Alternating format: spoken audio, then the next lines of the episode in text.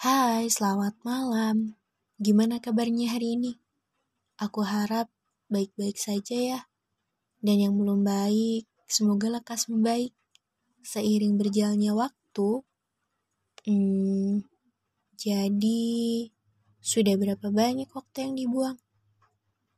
Oke, di podcast malam hari ini agak sedikit berbeda karena aku di sini bakalan bahas ciri-ciri toxic people yang agak serius banget nih ya gitu. Nah, langsung aja kita cari tahu apa itu toxic people dari pengertiannya dulu ya. Toxic people adalah istilah untuk seseorang yang beracun dalam tanda kutip atau sifat pribadi yang suka menyusahkan dan merugikan orang lain baik itu secara fisik atau emosional. Seseorang dapat dianggap toksik saat ia menebarkan sesuatu yang negatif ke lingkungan sekitarnya. Biasanya, toxic people ditemukan melalui media sosial dan di dunia nyata lebih banyak. Nah, dari pengertiannya aja udah jelas nih bahwa orang yang toksik yaitu orang yang emang uh, menebarkan aura yang negatif. Orang yang toksik ini biasanya sering ditemui ketika kita sedang bahagia atau sedang sedih. Kenapa? Nah, jawabannya ada dua. Yang pertama, ketika kita senang, mereka akan mencoba untuk menjatuhkan kita. Kayak dia bakalan ngomong, ah gitu doang kok, gue juga bisa kali.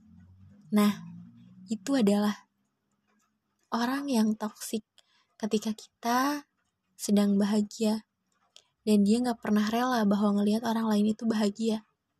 Dan yang kedua, ketika sedih. Orang yang toksik ketika sedih dia bakalan bilang, ya elah gitu doang sedih. Gue lebih berat kali. Nah, itu adalah salah satu ciri-ciri orang yang toksik. Mereka gak pernah ngerti perasaan orang lain. Mereka gak pernah pengen ngerti sama perasaan orang lain. Dan biasanya toxic people ini tuh sering ditemui di circle terdekat kita. Coba deh buat kalian nih yang uh, takut nih temen-temennya toxic, coba lihat deh. Aku ada beberapa ciri-ciri teman yang toxic. Disimak baik-baik ya. Yang pertama, tidak berempati atau bersimpati pada kamu. Nah, orang yang toksik ini tuh kan memang udah dasarnya nggak pernah peduli nih sama perasaan orang. Jadi kalau bicara asal, tidak memikirkan uh, kalau misalkan dia ngomong kayak gitu bakalan jadi gimana efeknya. Nah, orang yang toksik itu nggak pernah sama sekali memikirkan hal itu. Mereka ya udah sikapnya bodoh amat gitu. Gak pernah mau uh, peduli sedikit pun sama orang. Jadi kalau orang lagi butuh sama dia dia bakalan bilang ya udahlah sendiri juga bisa. Nah orang yang toksik memiliki ciri-ciri yang kayak gitu. Dan yang kedua suka mengontrol dan memanipulasi orang lain. Nah ini yang sering sering banget terjadi bahkan di lingkungan terdekat.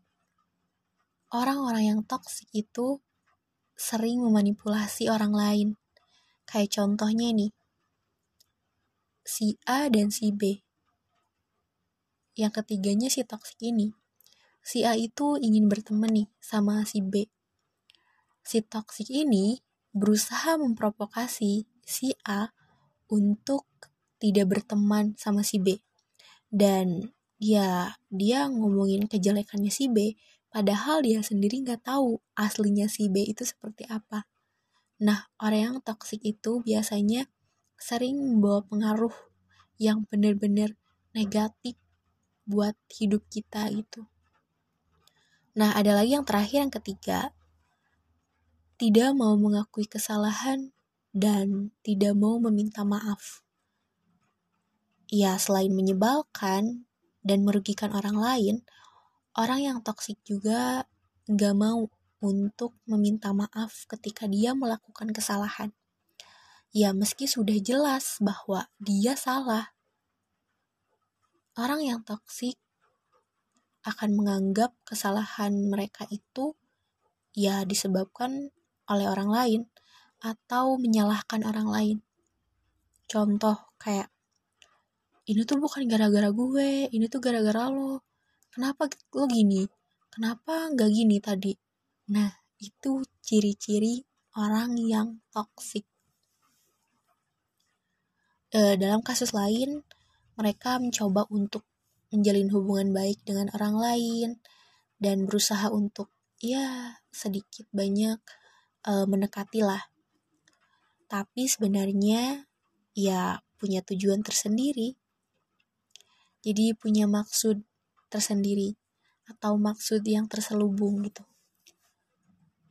Sebenarnya gak enak tau jadi toxic people itu karena banyak ruginya daripada untungnya gitu. Nah, buat teman-teman nih yang mungkin ngerasa bahwa aduh, circle gue nih toxic nih.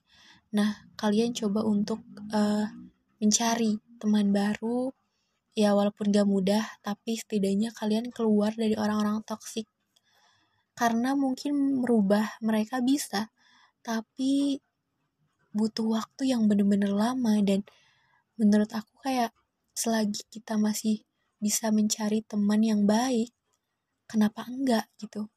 Kenapa kita harus bertahan dengan orang yang jelas-jelas toksik? Jangan pernah mencoba untuk merubah seseorang ketika seseorang itu gak mau berubah.